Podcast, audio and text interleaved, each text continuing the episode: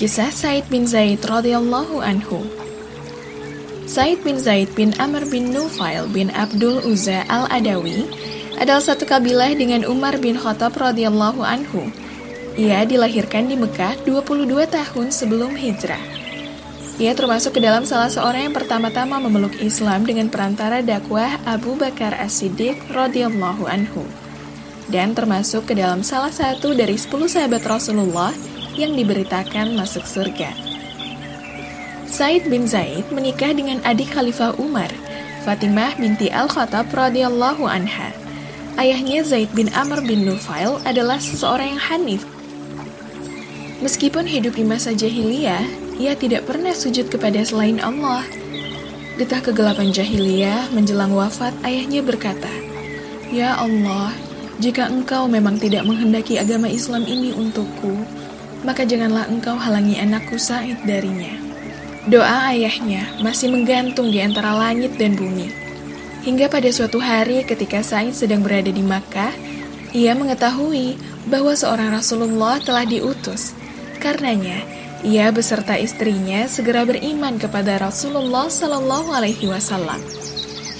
Keislaman mereka berdua itu terjadi pada awal munculnya Islam – sebelum masuknya Rasulullah Shallallahu Alaihi Wasallam ke dalam rumah Arkom bin Abi Arkom. Said masih merahasiakan keimanannya dan dia sangat sabar menghadapi siksaan yang berasal dari kaumnya.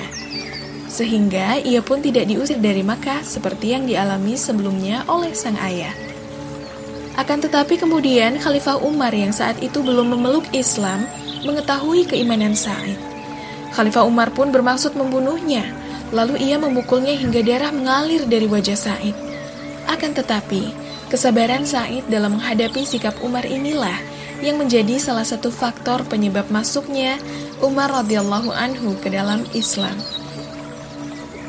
Wafatnya Said bin Zaid radhiyallahu anhu terjadi pada masa kekhalifahan Muawiyah bin Abi Sufyan, tepatnya pada tahun ke-50 Hijriah ia dikuburkan oleh Sa'ad bin Abi Waqqas radhiyallahu anhu dan Abdullah bin Umar radhiyallahu anhu.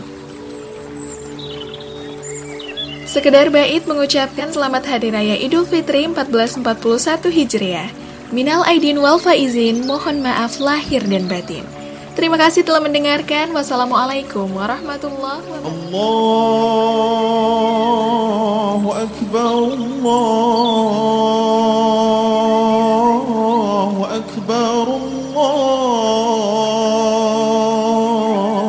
أكبر. لا إله إلا الله والله